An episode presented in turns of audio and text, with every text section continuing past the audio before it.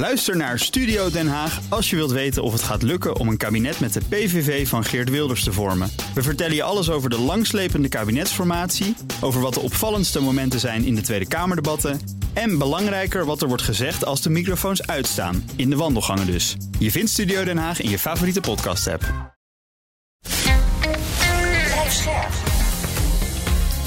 BNR Nieuwsradio.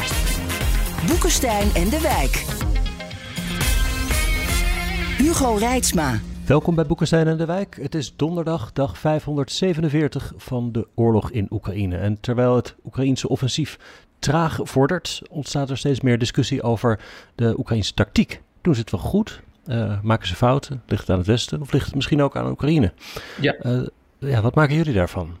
Nou ja, weet je, kijk, in Amerika is er nu echt een debat ontstaan. En uh, dat debat wordt gevoerd uh, binnen de beslotenheid van uh, de overheid in, in Amerika. dus binnen de militairen, binnen het Witte Huis, maar ook binnen het State Department. Daar is nu een discussie aan de gang van klopt het nou eigenlijk wel wat er aan de hand is. De Amerikanen, met name de Amerikaanse militairen, die zeggen van ja, dit gaat niet goed. Er is een sprake van een stagnatie. Dan zie je dat Sullivan, de, de, de veiligheidsadviseur van, van Biden, die zegt: nee, nee, nee, er is geen sprake van een padstelling. Ik heb dat woord honderdduizend keer gebruikt in onze pod, podcast. Um, maar spreekt nu over een stagnatie. Nou, iemand moet mij waar eens uitleggen wat precies het verschil daartussen mm. is. Het stagneert. de, de generaals maken zich daar grote zorgen over. er zijn directe contacten tussen Milley Um, en zijn Britse counterpart en zijn counterpart in Milley is dus de, uh, de hoogste militair in de Verenigde Staten, zijn counterpart in uh, Radican in het uh, Verenigd Koninkrijk en de, de Oekraïense militaire baas. Er gaan discussies over, over de te voeren tactiek. Uh, wat er is gebeurd feitelijk de afgelopen uh, tijd is dat de Amerikanen hebben gezegd van je moet uh, gaan voor de principes, de uitgangspunten van bewegelijke oorlogvoering, manoeuvreoorlogsvoering. Dus je moet met grote eenheden moet je manoeuvreren, zeker op dat, dat vlakke land in, in de, um, in de Zaporizhia Oblast. Dan heb je een mogelijke kans. Dat hebben ze geprobeerd, de Oekraïners zijn mm -hmm. er op die manier niet doorheen gekomen. Grote ja. verliezen geleden in het begin van uh, de, uh, de grote operaties die ergens, ergens in juni, uh, juli begonnen. Mm -hmm. En dan zie, je dat, Amerika, dan, dat, dan zie je dat zij over zijn gegaan op attritie. Attritie betekent dat je zoveel mogelijk kapot wil maken. Dus je, je zet je artillerie in, uh, je meervoudige raketwerpers, ga zo maar uh, door. Je probeert zoveel mogelijk kapot te maken aan de Russische kant. En als je dat hebt gedaan, dan probeer je door middel, met behulp van kleine eenheden, probeer je om of door uh, de mijnenvelden heen te komen en ga je de voorbereidingen treffen voor een groter offensief. Dat is feitelijk wat er aan de hand is. Dus het zijn twee verschillende visies tegenover elkaar staan. Bewegelijke oorlogvoering is de visie van de Amerikanen, dat is de Amerikaanse doctrine. Uh, attritie is typisch Sovjet-doctrine, uh, doen de Russen en doen de Oekraïners op dit ogenblik. En nou is de discussie van wat moet je nou eigenlijk op dit ogenblik uh, doen om echt gewoon die, ja, die doorbraak te kunnen forceren en weer het momentum te krijgen. Dat is eigenlijk, eigenlijk wat er aan de hand is. Ja, wat ik zo interessant vind is dit, we interpreteren steeds allerlei krantenstukken en die krantenstukken hebben dan gesproken met een aantal an anonieme mensen binnen het State Department of binnen het Pentagon. Hè? Ja. Uh, en het was iemand als Lawrence Friedman, die hoogleraar, die, uh, die analyseert dat dan ook allemaal. En die stelt dus vast dat, de, dat Washington Post artikel waar we over spraken, dat die mensen waren dus heel somber. Hè? Ja. Uh, en, en, dan zie je dus dat Friedman zegt van ja, luister eens even, even, even de nuance. Er is natuurlijk een verschil tussen risicomijding en roekeloosheid. Hè? En het is wel leuk dat de Amerikanen zeggen: je moet dus een bewegingsoorlog maken, een, man een manoeuvreoorlog. En je moet je concentreren op één as. Maar dat betekent wel dat er nog veel meer mensen gestorven waren. Mm Hè? -hmm. Mm -hmm. En dat is natuurlijk waar. Hè? Ik bedoel, dat is, dat is ook een beetje een wild standpunt van die. Ik kan me ook niet voorstellen dat alle Amerikanen dat, uh, dat vinden. Uh, en verder, er zijn ook nog wel andere stemmen. Dat er die Mikola Biliskov is dus een jongen van het National Institute for Strategische Studies in Kiev. Dat is gewoon een Oekraïner. Hè? Uh -huh. En die probeert dus ook een beetje um, ja, wat lichtpuntjes te zien. Want hij vindt dat we gewoon te pessimistisch zijn. Hè? Uh -huh. En dan, dan noemt dan het lijstje van de Russen hebben dus uh, geen reserves meer. Of althans heel weinig. En kun, kunnen de gaten dus niet goed vullen. Mhm. Eh, en, eh, maar ja, eh, wat, wat zegt hij dan nog meer? Die combinatie van artillerie plus mijnen is natuurlijk gewoon dodelijk. Dat is bepaald geen lichtpuntje, dus hij verklaart ook. Maar nog een lichtpuntje. Oekraïne is, is bezig met, een, met het gooien van granaten van 3000 granaten per dag. Maar nu is het 8000, inclusief clustermunitie. En, Ja, maar ja. Rusland heeft hetzelfde bedrag, zegt hij. Dus dat nog niet echt een, een eh, lichtpunt. Nou, het zou al wat zijn, toch? Nee, dat, Als- dat, dat klopt, ja. hè, want hij zegt dus ook van, kijk, Ja. eh, het, het probleem is gewoon een capaciteitsprobleem. Ja, we hebben Ja. ongeveer 90.000 granaten nodig per maand. En de Amerikanen die fabriceren er 24.000 per maand. Dus die hebben het al behoorlijk opgekikt hoor, ten opzichte van een jaar eh, geleden. Ja. En, maar er is een enorme mismatch eh, tussen de industriële capaciteit, zowel voor de wapensystemen als voor eh, de, de munities. En dan gaat het niet alleen maar om eh, munitie voor artillerie, maar ook voor meervoudige raketwerpers, voor HIMARS en al dat soort systemen, maar ook eh, luchtdoelraketten.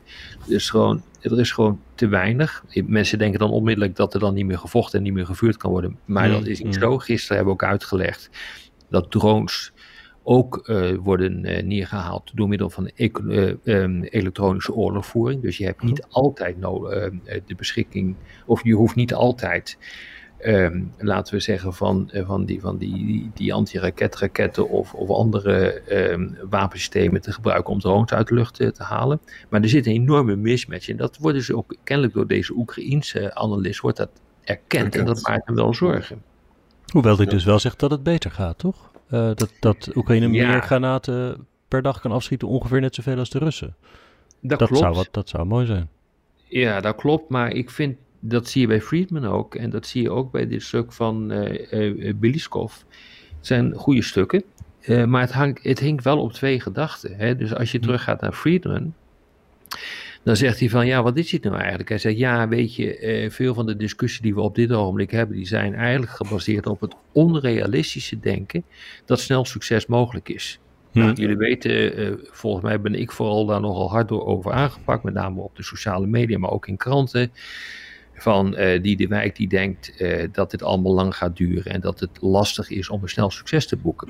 Friedman, Hmm. ook niet de eerste, de beste, die zegt nu Hmm. ook van het was echt ook in belangrijke mate gebaseerd op onrealistisch denken. Nou ja, met die, dat probleem zit je op dit ogenblik. Maar wat ik wel een hele interessante opmerking van die Beliskov eh, vond, is dat hij zei van kijk, wat ik nu constateer, is dat in Amerika, en daar heeft hij absoluut gelijk in, er niet meer wordt gesproken over een strategic defeat, dus een, een, een, een nederlaag, Mhm.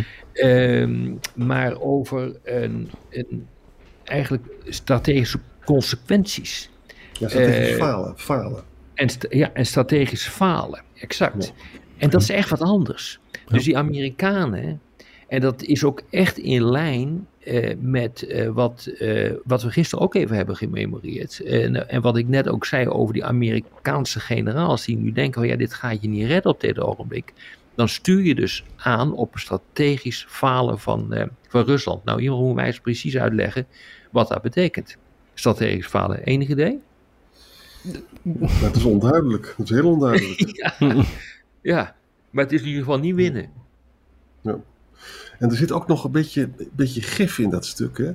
Want hij zegt van ja, luister eens, als we eerder de spullen allemaal hadden gekregen, dan hadden we in de zomer van 2020 naar Melitopol kunnen rijden en dan Hm. waren de Russen nog niet ingegraven. Ja, Ja. dat is natuurlijk wel leuk, maar zo snel gaat het allemaal niet. Nou ja, dat is, dat is mijn probleem altijd. Hè. Ik, eh, ik, ik, ik moet je verklappen dat ik bezig ben met een nieuw boek. Ik ben dus gedoken in de hele discussies eh, die er gingen over, die er waren in de jaren negentig over de gang naar Srebrenica. Nou, daar speelden dezelfde discussies. Ook overspannen verwachtingen van wat mogelijk eh, was. Eh, langzaam leveren van wapensystemen, geen wapensystemen leveren. Allemaal politieke discussies. Ja, zo Hm. werkt het nou eenmaal in een, in een democratie, jongens. Dat gaat niet snel. Je moet iedereen op één lijn eh, krijgen en iedereen maakt zijn eigen afweging. En je moet verschillende standpunten met elkaar eh, proberen te verzoenen. En ja, dat, dat gaat, eh, ja, dat, dat, dan, dan, dan vertraagt het. En dan kun je wel zeggen, ja, dit is dan een, de belangrijkste reden. Maar daarmee leg je dus ook de schuld bij, de, bij het Westen. Nou, ik vind dat dat echt niet kan in dit geval. Ja. En weet je, als, als je beide stukken goed leest, hè, dan is het bij Ja. Lawrence Friedman natuurlijk heel duidelijk. Dit wordt gewoon een lange oorlog. Dat staat er heel Ja. duidelijk in. En dat En zegt die andere ook hoor. Ja. En dat zegt Die die dat die zegt dat mijn ook. punt. Die zegt Ja. dat ook. ATACMS, minder dan 50% kans dat we gaan krijgen. We hopen dat er nog eh, Patriot SAMs komen om, om die gap eh, tussen de SAMs te- te doen en zo, weet je, dat soort verhalen. En eh, hij maakt zich wel kwaad hoor. Hij vindt eigenlijk dat eh, de VS wil voorkomen dat Oekraïne verliest en Rusland wint. Niet dat Oekraïne wint, dat je die oude zinnen komen nog steeds naar voren. Die helpen natuurlijk niet erg. Maar eigenlijk zegt hij, geeft hij gewoon zelf ook toe van ja, dit- gaat, eh, dit gaat lang duren. En dat is eerlijk gezegd precies dat, wat, wat wij al maanden denken dat er gaat gebeuren. Hm. En, en nogmaals, het kan zomaar zijn dat er toch een doorbraak komt. Natuurlijk kan dat. Hè? En dat de Russen uitgeput raken en dat de zaak dus opgerold wordt. Ik hoop het heel erg. Maar dat je nou zegt dat er- dat, dat een, een grote kans is, dat zou ik zeggen, nee, dat is geen grote kans. Nee, maar je mag er ook niet van uitgaan, hè? Ja, je mag er ook niet van uitgaan. Hm. Kijk, ik bedoel, als dat gebeurt, als het moreel van de Russen zo slecht is dat de boel in elkaar dondert, dat, dat is een theoretische mogelijkheid. Of dat er een, eh, een, een wisseling van de macht komt in het, eh, in het Kremlin, dat is een theoretische mogelijkheid. Eh, daar mag je niet van uitgaan, want je kunt namelijk Hm. nooit sturen op revoluties. Revolutionaire Hm. ontwikkelingen, daar kun, je nooit, eh, daar kun je nooit op sturen als eh, militair. Je moet kijken naar de slagorde. Je moet kijken wat er gebeurt op de grond. Je moet weten hoe de, de, de tactiek en de strategie van de tegenstander eruit ziet. Daar kijk je naar en dan vervolgens bekijk je in hoeverre de, de tegenstander, maar jij zelf ook, met de middelen die je op dat ogenblik ter plekke hebt, in staat bent om je strategische doelstellingen eh, eh, te bereiken. Eh, dat is wat je doet. Dat is wat wij ook doen. En de rest, dat is gewoon wensdenken. En dat is het hele probleem. Ja, maar hoe beoordeel je dat dan? hè? Want we beginnen natuurlijk altijd heel vaak eh, op de grond in ons programma. En dan kan ik me voorstellen bij een bewegelijke oorvoering, dan is het logisch dat je kijkt, nou hoeveel kilometer is er nu ingenomen? Maar bij attritie is dat eigenlijk niet. En dan zou je moeten kijken naar hoeveel is er gesleten bij de tegenstander. Maar daar hebben we natuurlijk veel minder zicht op. Dus eigenlijk weten we dan eigenlijk wel hoe het nu gaat. Nou, daar hebben we het toch eerder over gehad. Eh, toen hebben we ook die ratio's eh, eh, verteld die sommige analisten naar voren hebben gebracht. En dan moet je constateren dat de Russen eh, een, eh, een veel gunstigere ratio hebben als het eh, gaat om artilleriestukken, manschappen enzovoort, maar ook Hmm. bevolking, eh, dan Oekraïne. Maar, maar Oekraïne is in het voordeel. Oekraïne is in het voordeel met betrekking, met betrekking tot het moreel. Ja. Dus eh, dat zou kunnen betekenen in dit geval dat het elkaar levelt. En, dat, er, eh, en, en dat, dat kan ook de stagnatie betekenen, die je Ja. op dit ogenblik ziet. Maar stagnatie is ook iets wat alleen nu speelt. Hè? Dat kan over twee weken echt wel anders zijn Ja. als een doorbraak is. Maar dus het zou anders kunnen zijn als bijvoorbeeld Oekraïne er nu in slaagt met die Storm Shadows en dat soort nieuwe lange afstandswapens, om heel veel Russische artillerie uit te schakelen. Maar ja, dan hebben we nu soms wel een lijstje van Oekraïne van het zijn er nu weer 30 of zo. Maar ja, daar is natuurlijk heel weinig zicht op, toch? Van hoe... Ja, nou, daar is wel zicht op, want dat kan je namelijk, eh, dat kan je namelijk eh, vertalen naar het aantal kilometers eh, waar, waar, waarop de, de, waarin de, de, de, de Oekraïnse opmars te meten Hmm. is. Dus je kunt wel degelijk zien dat er op dit ogenblik wat aan de hand is en dat Oekraïne op dat punt best wel succesvol is. Maar je moet ook gewoon kijken hoe fortificaties liggen in het gebied. En Hmm. eh, ja, dan moet je toch vrij snel tot de conclusie komen dat je nog wel even wat eh, te gaan hebt. En dat is ook de reden waarom die Amerikanen laten uitlekken, want dat is feitelijk wat, het, eh, wat er gebeurt. Dat ze misschien ja, in de buurt van Melitopol komen, maar dat is dan ook wel. En dat ze daar echt helemaal vast gaan lopen. Kijk, eh, wonderen zijn de wereld nog niet uit, hè? maar voorspellen is helemaal hachelijk in, eh, in dit Ja. geval. Dus je maakt een Mhm. analyse op, en je komt met een aantal conclusies op grond waarvan je eh, op, ja, op grond van een zekere mate van plausibiliteit kunt zeggen van hoe zou dit aflopen met de kennis van nu, met de slagorde die we op dit ogenblik zien en met de tactieken die op dit ogenblik worden gevoerd. Nou, dat is ongeveer dit. En daar ben ik het wel Mhm. eens met de Amerikanen. Maar ik, eerlijk gezegd, jongens, vind ik de vraag veel interessanter waarom die Amerikanen deze discussie laten uitlekken. Waarom doen ze dat? Huh. Arend Jan, enig idee? Hugo? Ik denk dat ze gewoon, eh, dat, dat ze echt denken dat, dat, ze, dat ze stranden bij Melitopol. En dat Ja. ze de geesten dus rijp maken voor, een, eh, voor uiteindelijk een diplomatieke fase. Ja, dat denk, ik, dat denk ik dus ook. Ik denk dat de Amerikanen daarbij mee bezig zijn. En dat is ook conform met wat uh, Biden eigenlijk al vanaf mei vorig jaar heeft geroepen. Dat die leveranties alleen maar bedoeld zijn om uh, Zelensky een goede positie aan de onderhandelingstafel uh, te bieden. Ja. Dus het is wel consistent wat de Amerikanen doen. maar, de, maar de Oekraïners worden hier natuurlijk niet blij mee. Niet blij van. En dat merk je dus ook in dat stuk wat we net hebben behandelen van die Beliskov. Ja, die is daar natuurlijk niet blij mee, want dat is een Oekraïne. Ja. Wat ik interessant vond, gisteren bij het Institute for Study of War, die, die ging ze ook een beetje distancieren van die Washington Post artikelen. Vond ik wel interessant dat ze dat deden. Hè? En die zeiden, maar zeiden heel voorzichtig, misschien is het zo dat de tweede linie, dus na Robotine, hè, ja. dat die wat zwakker is ja, dan klopt. de eerste. Hm. Dat kan, hè? maar Rob zal dan zeggen, ja maar jongens, daarachter ligt nog zoveel ellende. En ze zijn dus nu bezig om achter die linies nieuwe linies op eh, te bouwen. Ja, je, je, er zijn mooie kaarten van hoor. Je kunt vrij goed zien eh, wat er gebeurt. En wat mij. Kijk, een van de grote punten is uh, wat die Amerikanen zeggen: van kijk. Uh, wat je moet doen, Oekraïne, is je moet eigenlijk ervoor zorgen dat um, in, het, in het oosten, Luhansk, de uh, de, de Russen worden gefixeerd. Dat geldt ook, uh, laten we zeggen, in, die, um, in dat grensgebied van de Zaporizhia en Donetsk Oblast. Fixeer daar uh, de, de Russen. Zorg ervoor dat ze niet verder komen. Maar ga daar niet je mensen aan opofferen om daar gebiedsgebied gebied te veroveren. Mm verschuif troepen naar de plek waar het het meest nodig is. En dat is in, in het, verder naar het oosten. Uh, dat is uh, ten zuiden van Origif, want daar heb je een mogelijkheid om een doorbraak te forceren in de richting van Melitopol. Ja, ik heb nog eens heel goed gekeken naar de slagorde.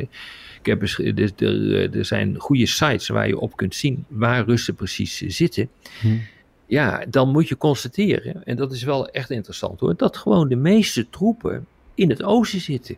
En op de plekken waar inderdaad, waar, waarvan Amerikanen nu zeggen, ja, dan moet je eigenlijk niet zitten, dan moet je ja. de zaak tegen zien te houden, maar gaan we naar een andere plek toe. En het klopt inderdaad dat er relatief weinig troepen zijn in die Zaporizhia-oblast. Uh, um, dus ik, ik vind dat een moeizame discussie uh, van ja. de Amerikanen. Ik ben het daar ook niet helemaal mee eens, want je kunt niet anders, want het numerieke overwicht lijkt in andere delen gewoon groter. Dus je hebt daar gewoon tamelijk wat militair nodig om de boel daar tot stand te, te brengen. En als je ook kijkt wat er in het achterland ligt. Ja, jongens, er liggen gewoon hele, uh, hele legerkorpsen. Ja. ja. En die jongen, die Biliskov, die besteedt ook aandacht aan die bruggen waar we altijd over spraken. Hè. Maakt een vergelijking met Gerson. Gerson was natuurlijk zo dat de Russen moesten er echt uit. Ze zaten gewoon als ratten ja. in de val. Hè? Nu mm. is dat natuurlijk niet zo. Hè? Nee. Kijk, en we, en we, je hebt dus drie mogelijkheden om van de Krim naar het uh, vasteland te komen. Dat, die beroemde Choknar-brug hè? en ook die gemeen Herestviki-brug. Nou, die twee zijn aangevallen, maar die doen het weer. En dan heb je ook nog een stukje landverbinding in het, in het westen, Adviki of zoiets. Dat is heel vervelend. Dus ja. als, dat zou het ook geweldig zijn als de Oekraïners in staat zouden zijn om die Choknar-brug er helemaal uit te halen. Om de Krim te isoleren, ja. Ja, ja maar dan heb je, dat moet dus ongelooflijk, ja, maar heb je ongelooflijk veel TNT voor nodig. Dat doe je natuurlijk met een Storm Shadow. Ja? Nee, maar goed, dan, uh, dat is een van de redenen waarom ze die ATACMS willen hebben. Uh, dus ja, um, uh, ja, nee, ja dat, dat, dat, dat is zo. Dan isoleer je de Krim. Ja, dus ja, dat, dat, dat zou in theorie zou dat kunnen. En nogmaals, het, de Krim is een zwaartepunt. Als je dat weet te isoleren, als je dat weet uit te schakelen, dan, nou, dan zou de hele verdediging wel eens in elkaar uh, donderen. En dat is natuurlijk ook kritiek van, uh, van de Oekraïners. Die zeggen, ja, weet je, wij willen die ATACMS hebben met een bereik van 300 kilometer, want dan kunnen we dit soort uh, dingen doen. Dat is natuurlijk maar zeer ja. de vraag of dat echt zo is. Hmm. Want we hebben ook al geconstateerd dat als een nieuw wapensysteem wordt geïntroduceerd, de tegenstander per definitie zijn maatregelen gaat nemen om zijn kwetsbaarheid te minderen. Ja. ja. Ja, god, interessant. Kunnen we nog ja. iets concluderen? nee, daar kun je dus niks nee. uit uh, concluderen. Het enige wat ik dus opmerkelijk vind is dat die Amerikanen dat dus nu, uh, dat zou dan een conclusie kunnen zijn, dat, dat die Amerikanen dat niet voor niks aan het, uh, aan het uitlekken zijn. Hmm. Deze discussie ontstaat niet voor niks. Ik zie dan ook uh, dat op, uh, op de sociale media die discussie wordt opgepakt en dat ook dat de twee kampen beginnen te ontstaan.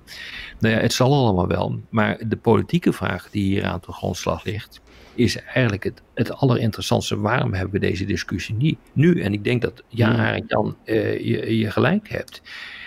Dit zou inderdaad kunnen zijn om de geest te te maken dat dit wel eens heel erg moeilijk wordt. Dus dat betekent dat je een hele lange oorlog gaat voeren. Dat is punt 1. Dat is denk ik de eerste conclusie. En punt 2 is dat als je daar geen zin in hebt, dan moet je gaan zorgen dat je nu gaat nadenken over een politieke oplossing. Ja, en, en dat brengt maakt het zo boeiend eigenlijk. Hè? Ook tragisch. Kijk, er is heel duidelijk dat er natuurlijk uh, zeer zit bij de Oekraïners. Dat, dat, ze zeggen het steeds weer. Hè? We krijgen te weinig om te winnen. En te veel om te verliezen. Weet je, dat soort zinnen. Die, lees je nog steeds, ook bij die uh, Biliskov. Dus het gaat dus niet om een Amerikaans huzarenstukje eigenlijk op het van diplomatie. Je probeert dus de Oekraïners zover te krijgen. Om ze te overtuigen dat het een hele lange oorlog gaat worden. En dat ze uiteindelijk toch zullen moeten nadenken over, uh, over, over een deal. Hè? En dat ligt natuurlijk onvoorstelbaar gevoelig. Ja, het is wel zo dat ook. Ja. Ja, niemand, niemand durft erover te praten. Niemand dat durft erover te praten. Ja. Ja. Dit is wat we ooit bij Defensie het Inweken Hoorwas programma noemden. Dus je gaat, uh, je gaat de geesten rijp maken voor een uh, besluit dat uh, voor heel veel mensen niet echt heel fijn is. Ja. Ja. En dat betekent dus, maar, maar tegelijkertijd is Oekraïne zo afhankelijk van met name Amerika, dat ze natuurlijk ook, ze kunnen daar wel boos over zijn, maar het is toch een randvoorwaarde voor hun bestaan. Dus uiteindelijk, als, als die oorlog nog twee jaar duurt, dan, duurt, dan lijkt het me dat die druk toch wel heel hoog wordt om uh, mm -hmm. te kijken of er een, een, een, frozen conflict zou kunnen ontstaan zonder dat je erkent het ja. gebied dat je kwijtraakt. Hm.